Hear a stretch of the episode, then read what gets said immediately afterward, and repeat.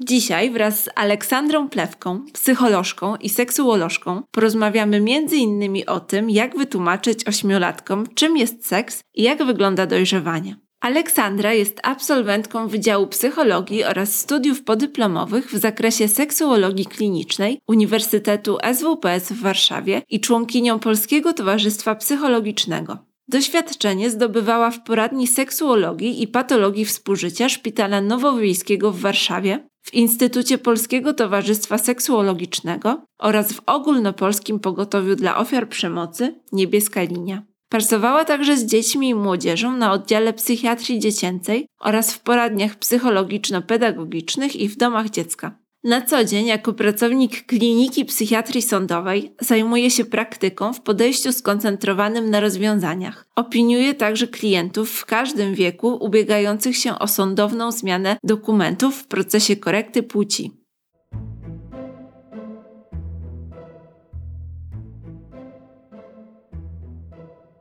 Nie mam dzieci. Nie jestem psycholożką ani edukatorką seksualną. O intymności wciąż się uczę. Dlaczego zatem podcast o edukacji seksualnej? Bo głęboko wierzę w bezpieczną przyszłość, że dzięki wiedzy przestajemy się bać, wstydzić, zaczynamy odróżniać przekonania od faktów, że edukacja jest drogą do prawdziwej trwałej wolności. I wierzę też, że o intymności najwięcej uczymy się od naszych najbliższych, rodziców i opiekunów. Dlatego to właśnie Wam dedykuję tę audycję. W tym podcaście usłyszysz rozmowy z 19 psycholożkami, seksuolożkami i edukatorkami seksualnymi. Poznasz odpowiedzi na ponad 300 prawdziwych pytań zadawanych przez dzieci i nastolatki. Dowiesz się też, jak rozmawiać z dziećmi o dojrzewaniu, relacjach i seksie. Jak w bezpiecznych warunkach dać im najcenniejszą rzecz wiedzę, a tym samym bezpieczeństwo i zdrowie. Pamiętaj również, że zastosowany podział według wieku jest umowny. Wybrane pytania mogą pojawić się wcześniej lub później, bo każde dziecko rozwija się w swoim indywidualnym tempie. Zapraszam do słuchania.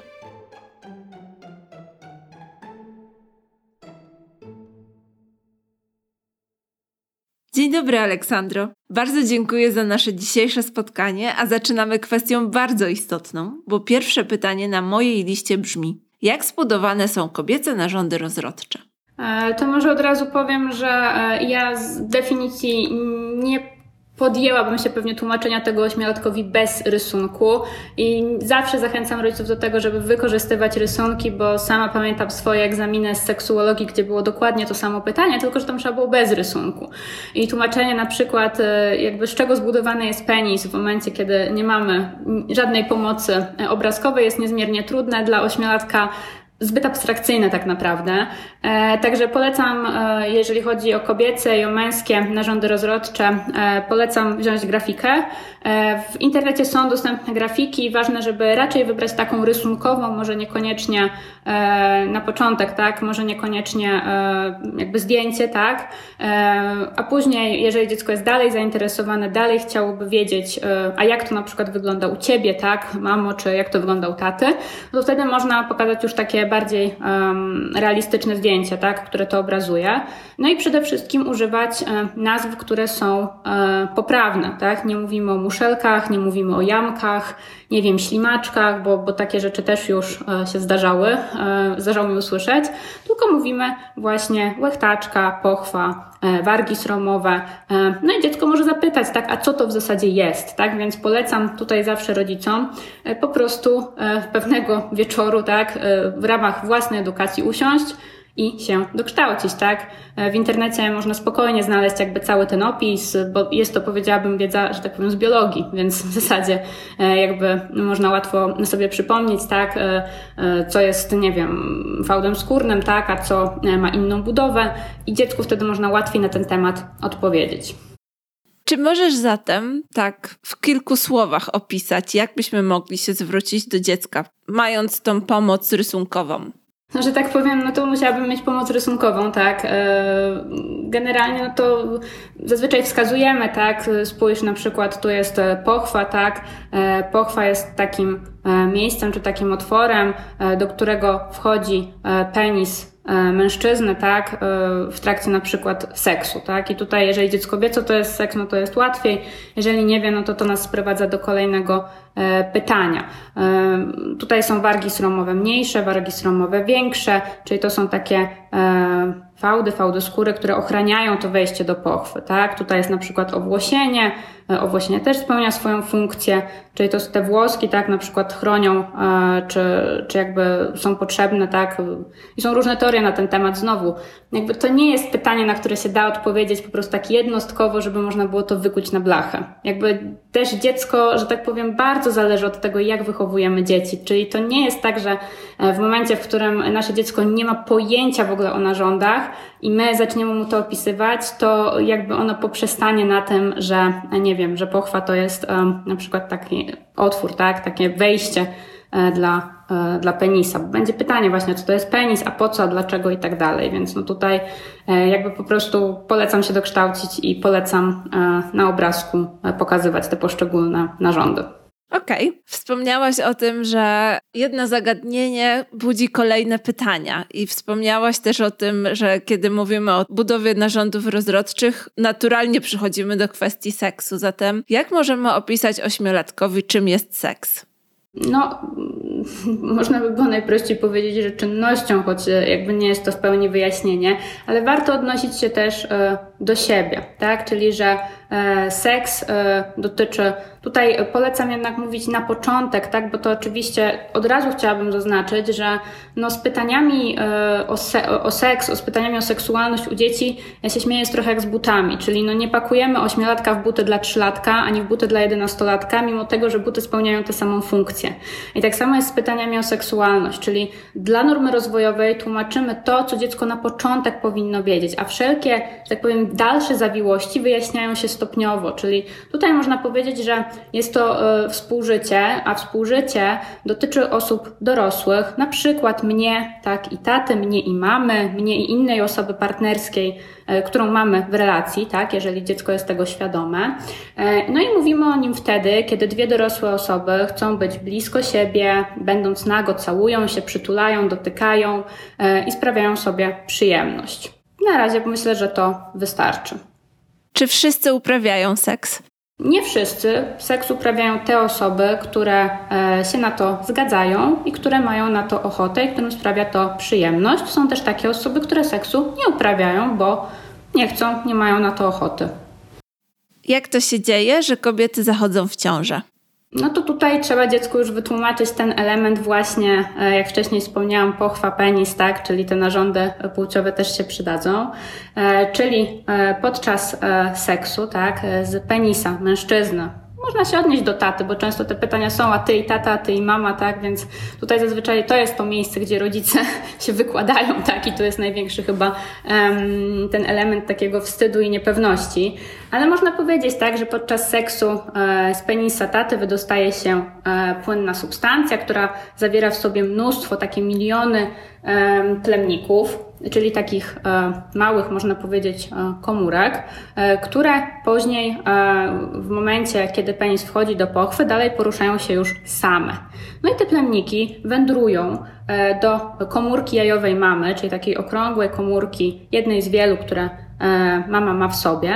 I jeżeli one się połączą, tak, czyli jeden z tych plemników połączy się z tą komórką, to dochodzi do zapłodnienia i z tego za 9 miesięcy rodzi się dziecko. Co to jest dojrzewanie?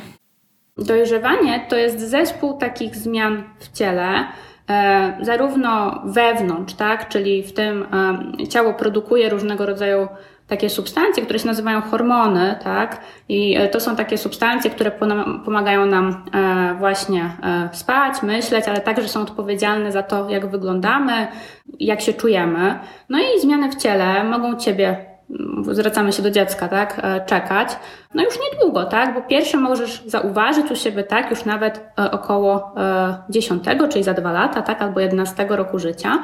I później będziesz zauważać kolejne, czyli mogą się, no i tutaj zależy też do jakiego dziecka mówimy, tak, no bo jeżeli mówimy do chłopców to inaczej, do dziewczynek inaczej, no i też bardzo chciałabym nakreślić to, że dla dzieci transpłciowych, tak, które, których już widzimy, tak, że w zasadzie no, ta identyfikacja z tą płcią biologiczną nie zachodzi, czyli one no, mówią, że, że po prostu się tak nie czują, no to też inaczej trochę mówimy o dojrzewaniu.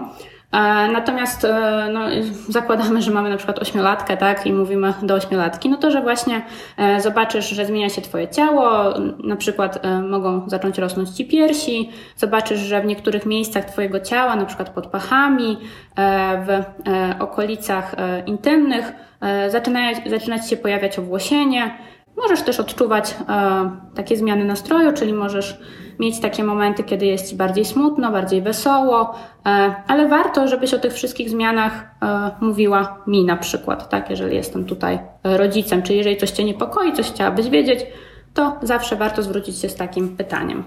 Wspomniałaś o rodzicach dzieci transpłciowych. E, I że jednym z takich objawów oczywistym jest to, że dzieci same mówią, że no nie czują tego. E, a czy możesz troszkę więcej powiedzieć na ten temat? Tak w kontekście, gdyby faktycznie słuchali nas rodzice dzieci transpłciowych, na co oni mogą zwrócić uwagę? Jakie są inne sygnały? I jak e, mądrze postąpić w takiej sytuacji?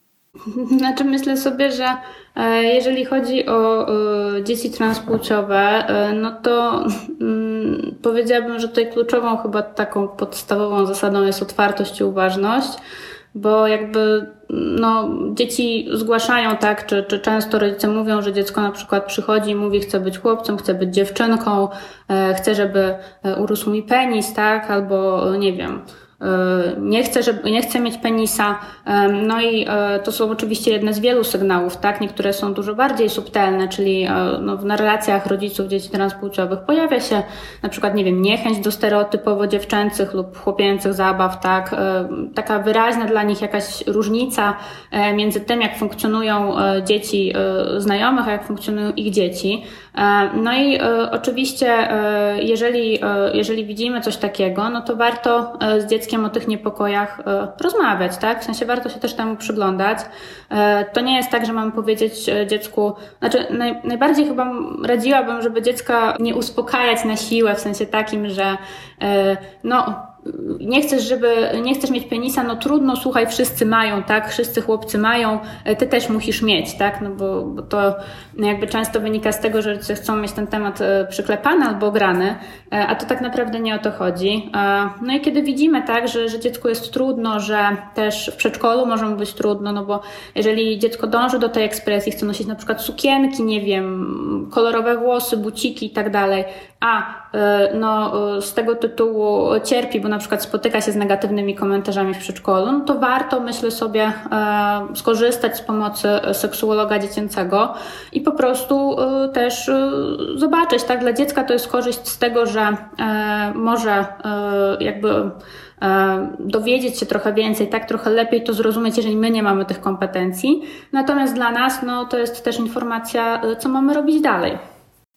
A czy możesz powiedzieć, jak z Twojego doświadczenia, jakie są momenty, w których rodzice dzieci transpłciowych decydują się na spotkanie z seksuologiem czy z psychologiem dziecięcym? No, najczęściej, kiedy w zasadzie. Um jakby dzieci, które już są nastoletnie, czyli tutaj mówimy często o, o 13-latkach, ale też 16-17-latkach, po prostu mówią im, tak? Czyli autują się przed nimi i mówią, że no, nie czują się, e, nie wiem, tą płcią biologiczną nadaną przy urodzeniu. W tym podcaście cały czas powtarzamy, żeby wykorzystywać takie codzienne sytuacje do rozmowy o seksie, oczywiście dopasowane do wieku. Kiedy e, ciocia jest w ciąży, kiedy dziecko samo zaczyna zauważać różnice między e, wyglądem różnych osób. Czy w przypadku dzieci transpłciowych są też e, takie sytuacje, które możemy naturalnie wykorzystać do rozmowy? Pewnie, no chociażby, nie wiem, mm, sytuacje, w których trzeba się przebrać właśnie w kostium kąpielowy, albo w którym jednak są te podziały, tak, ze względu na płeć i to w rozumieniu takim binarnym, czyli korzystanie z łazienek, szatnie, ale również na przykład zwykłe sytuacje na, jak ja to mówię, przyjęciach urodzinowych, tak, na zasadzie e, czemu ja się nie mogę, nie wiem, bawić na przykład z dziewczynkami w, e, nie wiem, w dom czy w cokolwiek, bo na przykład wszyscy krzywo na mnie patrzą, tak, i mówią, mówią, że idź się pobaw z chłopcami, a ja nie chcę, tak? Więc tutaj e, jakby ważne, znaczy to nie jest tak, że wtedy mamy zacząć tą rozmowę o, o seksualności, o płciowości, e, ale mm, na przykład pewna normalizacja, tak, że, że to nie jest tak, że nie wiem, chłopcy mogą tylko i wyłącznie grać w piłkę, dziewczynki tylko i wyłącznie bawić się e, w dom i że e, jeżeli e, masz na to ochotę, tak, i one też jakoś zapraszają cię do tej zabawy, no to oczywiście baw się, tak? I jakby tutaj to jest takie ważne, żeby nawet jeżeli to nie będzie jeszcze przestrzeń na rozmowę o seksualności, no to żeby dziecko wiedziało, że w zasadzie jeżeli pojawią się w nim później jakieś wątpliwości, to będziemy pierwszą osobą, do której przyjdzie. A czy możesz polecić jakieś inne źródła, w których rodzice mogliby znaleźć dodatkową wiedzę na ten temat? Jakieś książki, materiały w internecie? O dzieciach, o dzieciach to jeszcze nic nie przychodzi mi do głowy. Zazwyczaj rodzice dokształcają się na e, forach. E, ale oczywiście coraz więcej e, pojawia się fajnych materiałów. Grupa Stonewall w Poznaniu robi super, um, robi super robotę, tak? E, I jakby prowadzi różnego rodzaju kanały, tak? Też informacyjne, gdzie odpowiada na wiele, pytań związanych z seksualnością, nie tylko transpłciowością, ale seksualnością w ogóle, no bo nie zapominajmy jeszcze gdzieś tak obok tego, tak? No, że oczywiście jeszcze rodzice mają wiele pytań związanych z orientacją seksualną, seksualną, więc to nie tylko jakby sama e, płciowość, ale również orientacja. Co jeszcze? No grupa Lambda w Warszawie też tak, ma, ma sporo kanałów informacyjnych, też robią grupy dla rodziców, tak, więc jeżeli rodzice czują, że, że, że może ich to dotyczyć, tak, że, że na przykład zgłaszają się do seksuologa i seksuolog mówi tak, z dużym prawdopodobieństwem jest tak, że Państwa dziecko jest transpłciowe, tak, że, że jakby tutaj e, to wszystko jedzie w tym kierunku, to e, no, mogą się zgłosić na taką grupę. Ja wiem, bo, bo miałam kilka osób właśnie e, jakby na konsultacji E, i, i w poradnictwie, które właśnie były rodzicami osób transpłciowych i też potrzebowały e, psychoedukacji, potrzebowały e, jakiegoś takiego przegadania tego doświadczenia, też poszukiwały informacji właśnie o to, jak się zwracać, jak reagować. Podstawowym pytaniem, które mi się zdarzyło, było to, czy przyzwalać mojemu synowi na chodzenie w sukience po domu. Czy to tak można, nie? No i jakby rozmawiałyśmy tak, tutaj no można, tak? Więc, więc tu powiedziałabym, szukałabym raczej w tym kierunku. E, natomiast e, też e, tutaj zawsze polecam tak, żeby jednak sprawdzać to z kilku źródeł, żeby to nie było tylko i wyłącznie jedno, bo też wiele informacji jest błędnych, tak, albo takich, które w zasadzie nie pomagają, a szkodzą. Wspomniałaś o tym, że pojawia się pytanie, jak się zwracać. Czy możesz dać rodzicom, którzy nas słuchają, jakieś rady w tym obszarze? Po prostu zapytać, jak chcesz, żeby się do ciebie zwracać. I, I wtedy dziecko raczej powie, tak?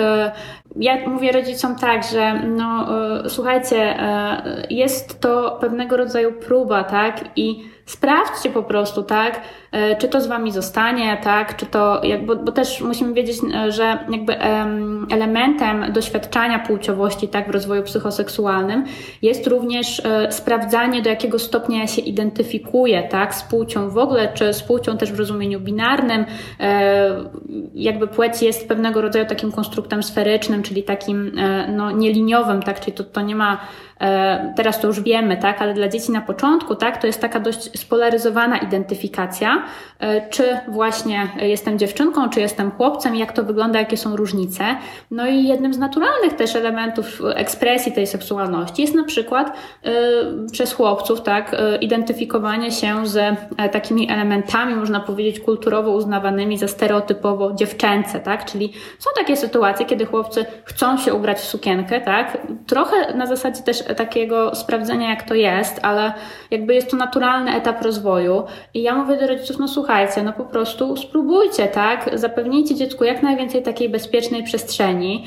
E, jeżeli to z wami zostanie, to zostanie, jak nie zostanie, tak? No to po prostu był to element rozwojowy i przyszedł dalej. I jakby to też pomaga, tak? Bo ja mówię, no to, że zaczniecie się, nie wiem, do, do dziecka zwracać e, innym imieniem, tak? Przez chwilę albo tak, jak ono by chciało, e, no e, jakby nie jest niczym szkodliwym, tak? I może być tak, że ono za miesiąc czy, czy za dwa przyjdzie i powie, nie, słuchajcie, wracamy, tak? Ja jestem tutaj, nie wiem, Piotrkiem albo Kasią, tak? Ale może być tak, że to już z Wami zostanie i to jest też bardzo ważna informacja. Okej. Okay. Wracam do mojego zestawu pytań. Bardzo się cieszę, że odbiegłyśmy i że ten temat transpłciowości się tutaj pojawił. Kiedy urosną mi piersi? Tak powiem, e, nie ma jednej granicznej daty, kiedy urosną ci piersi, dlatego nie przejmuj się, jeżeli twoim koleżankom zaczną rosnąć, a tobie jeszcze nie. E, albo jeżeli ty będziesz pierwsza, a koleżankom e, jeszcze nie zaczną rosnąć piersi, bo jest to właśnie element dojrzewania, czyli tych zmian w ciele. A ze zmianami w ciele jest trochę tak, że dla każdego to są zmiany takie indywidualne, czyli we własnym tempie. I stąd niektórzy są, zobacz, na przykład w klasie wyżsi, niektórzy niżsi, czy niektórzy rosną szybciej, inni wolniej. I tak samo jest ze zmianami w ciele. Więc kiedy Twoje ciało zacznie dojrzewać, czyli pojawią się właśnie zmiany tych substancji, które ma w środku, no to też e, za tym będzie szło właśnie to, że urosną Ci piersi. A kiedy to będzie i czy będziesz miała wtedy lat 10, czy będziesz miała lat 12, to już zobaczymy. Czy 15-letni kuzyn może mnie dotykać po pupie? Najprostszą odpowiedzią na to pytanie jest nie. Nikt nie może cię dotykać po pupie, bo pupa jest e, tak zwanym miejscem intymnym, czyli takim, które jest tylko twoje. E, no i e, jakby zasadniczo nikt nie może tego robić. No i ważne jest też to, jakby żebyś mówiła tak o takich sytuacjach, kiedy ktoś próbuje cię dotykać po pupie, namawia do tego, żebyś mu pozwoliła na dotykanie się po pupie. A czy możesz powiedzieć, na jakie sygnały powinni rodzice zwrócić uwagę właśnie w kontekście przemocy seksualnej względem dzieci? Bo to niekoniecznie zawsze będzie tak jasno wyrażone pytanie czy, czy stwierdzenie, to raczej będą subtelne sygnały. E, na co rodzice powinni zwrócić uwagę? Znaczy, my wiemy jakby na temat e, przemocy seksualnej wobec dzieci, że tak naprawdę z takich bezpośrednich e, wskaźników przemocy seksualnej wobec dzieci, to mamy w zasadzie ich bardzo e, niewiele. Tak naprawdę takim bezpośrednim wskaźnikiem e, jest obecność spermy, tak, w jamach ciała, e, czyli tutaj czy w ustach, czy w pochwie, tak, czy, czy na ciele dziecka, e, albo e, ewentualnie tutaj zakażenie chorobą przenoszoną drogą płciową, chociaż to też nie jest takie stuprocentowe. Tak naprawdę wszystkie inne sygnały pochodzą z, są jakby sygnałami pośrednimi, czyli czymś, co my musimy, na co musimy zwrócić uwagę, tak, i, i co jakby powinno być poparte e, jakby też rozmową z dzieckiem i uzyskaniem informacji od niego. E, myślę sobie, że teraz szczególnie ważne jest to, żeby e, jakby zwracać uwagę na aktywność internetową dziecka. No bo od dłuższego czasu żyjemy głównie online i to niestety jest bardzo podatny grunt na to, żeby ta przemoc seksualna wobec dziecka się rozwijało, bo to przecież nie jest tylko tak, czy, czy wyłącznie tak, że e, przemoc seksualna to jest to dotykanie po pupie z pytania. To jest też wysyłanie e, zdjęć dzieciom, tak? To jest pisanie do nich wiadomości o treści, która jest dla nich nieodpowiednia. To jest również pokazywanie im siebie, tak, e, czyli na przykład dorosła osoba obnaża się przed dzieckiem w internecie. E, no i e, to jest też szantażowanie dzieci, to jest proszenie dzieci o to, żeby się obnażyły czy, czy pokazały jakąś część swojego ciała. Więc, więc tutaj jakby ważne jest, żeby tą aktywność monitorować. Jeżeli rodzice jakoś mają taką potrzebę, no to tutaj Fundacja Dajemy Dzieciom Siłę robi właśnie dużo dobrej roboty, jeżeli chodzi o tą cyberprzemoc wobec dzieci, też ze zwróceniem uwagi na przemoc seksualną. E, a, dla, a jakby musimy brać pod uwagę, że o ile nie sprawdzimy całej aktywności naszego dziecka, czyli no, może być tak, że dziecko będzie miało kontakt z treściami seksualnymi nieodpowiednimi dla swojego wieku w internecie, to jednak sprawdzając, czy, czy mając taką relację z dzieckiem opartą na zaufaniu, gdzie wiemy, że ono powiedziałoby nam, gdyby e, coś się stało, no mamy dużo większą szansę, żeby to e, wykryć, niż wtedy, kiedy my nie wykazujemy zainteresowania w ogóle tym, co dziecko robi w internecie, no bo w tym momencie dziecko po prostu uzna, że nas to nie obchodzi, nas to nie interesuje, więc po co nam o tym mówić? Co powinno zwrócić naszą uwagę? Jakie zachowanie dziecka może wskazywać na to, że doświadcza ono przemocy seksualnej? Zmiany nastroju. Zmiany nastroju, zmiany cyklu dobowego, czyli dziecko, e, jeżeli wiemy, że jest żywe albo ma jakąś ekspresję emocjonalną, którą znamy i która jest dla nas powiedzmy taka bazowa, czyli taka naturalna dla naszego dziecka i ona się nagle zmienia, czyli dziecko, nie wiem, z klasycznych takich przykładów robi się smutne, tak wycofane, ale może być też drażliwe, niespokojne, poirytowane, no to to już powinno zwracać naszą uwagę. Częstym elementem są trudności ze snem, czyli dzieciom ciężko się zasypia, e, jakby są płaczliwe, drażliwe, nie chcą iść do łóżka. E, moczenie nocne też jest jednym z takich, e, czy może być z takich sygnałów, tak, co właśnie o takim podłożu e, lękowym. E, używanie słów, e, których no, na przykład w naszym domu się nigdy nie używa, tak? I e, znowu, tak, no, dziecko może coś takiego usłyszeć w szkole, może coś takiego e, usłyszeć gdzieś, e, nie wiem, e, w internecie, w sensie przeczytać gdzieś w internecie, no ale e, zawsze warto wtedy na to zwrócić uwagę, skąd to się wzięło, tak? Nie na zasadzie nie mów tak, bo to brzydko, tylko skąd to się jakby wzięło, tak? E, jak to się stało, że dziecko to usłyszało. Mm takie izolowanie się, tak? Izolowanie się z aktywności, na przykład, nie wiem, robiliśmy coś razem, graliśmy w gry planszowe, nie wiem, wychodziliśmy na spacery, teraz dziecko nie chce, takie na przykład spędzanie bardzo długich godzin przed e, komputerem, mimo że proponujemy inne aktywności, e, bo też jedną właśnie, e, jednym ze sposobów, tak, żeby podejść do dziecka przez osoby, które dopuszczają się przemocy seksualnej, jest uwiedzenie go, czyli zapewnienie mu tak powiedzmy bliskiego takiego kontaktu, takiego ciepłego kontaktu, w którym no jakby rodzice schodzą na dalszy plan, czyli ta osoba tutaj w internecie, niekoniecznie z e, właściwymi zamiarami, staje się takim powiernikiem dziecka, takim przyjacielem. E, no i tutaj jakby wtedy widzimy, że dziecko na przykład woli z tą osobą spędzać czas niż z nami. Myślę, że na to najlepiej chyba zwracać uwagę. A jeżeli rodzic ma podejrzenie, że jego dziecko doświadcza przemocy seksualnej, to jak rozpocząć rozmowę na ten temat? E, myślę sobie, że e, jakby znając nasze dziecko, warto e, zacząć taką rozmowę od szczerości, czyli że na przykład widzimy, że coś się z dzieckiem dzieje, że na przykład często jesteś smutna, nie chcesz już grać ze mną w planszówki, tak jak kiedyś grałyśmy, i zastanawiam się, co się dzieje. Jeżeli usłyszymy, że nic, no to możemy zapytać, a jak ty rozumiesz, tak? Czy, czy jak ty myślisz, e, czemu tak się stało? W sensie, jakby, e, jeżeli nic się nie dzieje, to skąd ta zmiana? I jakby to jest też taki element rozmowy, bo no, jeżeli zaczniemy dziecku wypytywać często, a co ty tam robisz, a, a kto to jest, a nie wiem, a o czym rozmawiacie, to najprawdopodobniej usłyszymy nikt o niczym, yy, nic specjalnego albo a takie tam. Nie? Więc tutaj no, y, warto po prostu myślę sobie powiedzieć, tak, też y, jak my się z tym czujemy na przykład, tak, że no, czuję się zaniepokojona, czuję się zmartwiona, y, bo się o ciebie troszcza, widzę, że no, dzieje się coś u ciebie innego, tak, dzieje się coś u ciebie chyba trudnego, skoro właśnie jesteś taka smutna, tak i wycofana. A kiedy dostaniemy od dziecka potwierdzenie, że doświadcza przemocy seksualnej, to jakie powinny być kolejne kroki? Gdzie możemy uzyskać pomoc?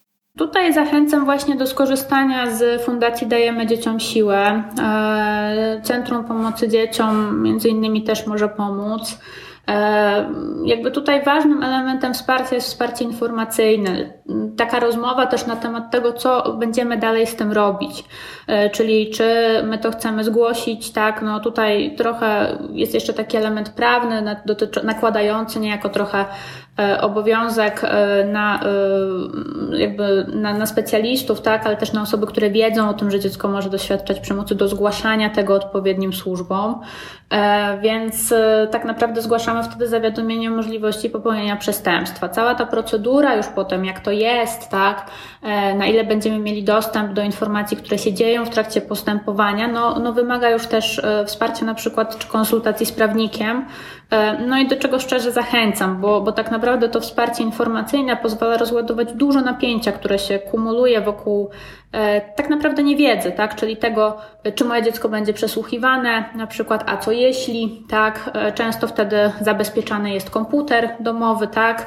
z którego korzystało dziecko, więc, więc tutaj no, pojawia się wiele takich pytań, tak, na które e, warto, żeby odpowiedziała osoba, która no, jest związana z tymi procedurami, czyli prawnik tak naprawdę. A czy jest e, jakaś e, organizacja, która zapewnia bezpłatną pomoc prawną dla, w takich przypadkach? E, no z tego co kojarzę, no to Fundacja Dajemy Dzieciom Siłę. Niebieska linia też zapewnia konsultacje prawne, tutaj związane właśnie z przemocą, ale jakby też przemoc seksualna oczywiście się w to wlicza. Punkty informacji prawnej, jeżeli mi się wydaje, również istnieją, ale tutaj, żeby to są jakby finansowane z, z budżetu miasta, no i tutaj, żeby uzyskać tą pomoc, z tego co pamiętam, e, trzeba spełniać jakieś określone też warunki, tak? Więc tutaj jakby pod tym kątem. To jest pierwsze, co mi, e, co mi przychodzi do głowy. Być może pojawiło się coś jeszcze. Okej, okay, dziękuję. A jak wytłumaczyć ośmiolatkowi, czym jest aborcja? Myślę, że najprościej trzeba powiedzieć, że to jest zakończenie ciąży. I wytłumaczyć, że e, no niektóre osoby, kiedy e, orientują się, że są w ciąży, niekoniecznie e, mają możliwość, czy mają chęć, czy czują gotowość do tego, żeby być odpowiedzialnymi. Zazwyczaj ośmiolatki już wiedzą, co to jest odpowiedzialność, tak? Czyli odpowiedzialnymi za no, urodzenie, wychowanie dziecka, czują, że nie mogą e, tego zrobić i wtedy dochodzi do zakończenia ciąży. Jest to decyzja, tak, którą, e, którą właśnie osoba, która ma urodzić dziecko, podejmuje. Nasze dzieci są bardzo uważnymi obserwatorami codzienności i w związku z tymi protestami, które się pojawiają, mogą się też pojawić pytania, dlaczego są te protesty, o co w nich chodzi. To ja myślę, że ja bym osobiście odpowiedziała e, swojemu dziecku, że e, chodzi o możliwość wyboru. I powiedziałabym, że tak jak ty masz możliwość na przykład w domu, żeby wybrać, w co się ubierzesz, w co zjesz, i kiedy nie możesz wybrać, to się złościsz, no to tak również i jakby protestujesz, tak również właśnie osoby, które protestują teraz, protestują przeciwko temu, że nie mają takiej możliwości wyboru, nie mają możliwości tego, żeby same zdecydować właśnie o tak, takiej odpowiedzialności. Bardzo Ci dziękuję za Twój czas, zaangażowanie, za wiedzę. Bardzo się cieszę, że pojawiły się tutaj wątki, które nie były na naszej oryginalnej liście, ale są bardzo ważne i potrzebne i bardzo się cieszę, że udało nam się e, o nich porozmawiać. Bardzo Ci dziękuję jeszcze raz. Było mi bardzo miło. Mi również. Życzę Ci miłego dnia. Dzięki. Na razie, cześć. Cześć. Dziękuję za wysłuchanie ósmego odcinka podcastu Skąd się biorą dzieci. Mam nadzieję, że znalazłaś, znalazłeś tutaj wartościowe treści, które realnie pomogą Ci w rozmowach o intymności z Twoimi pociechami.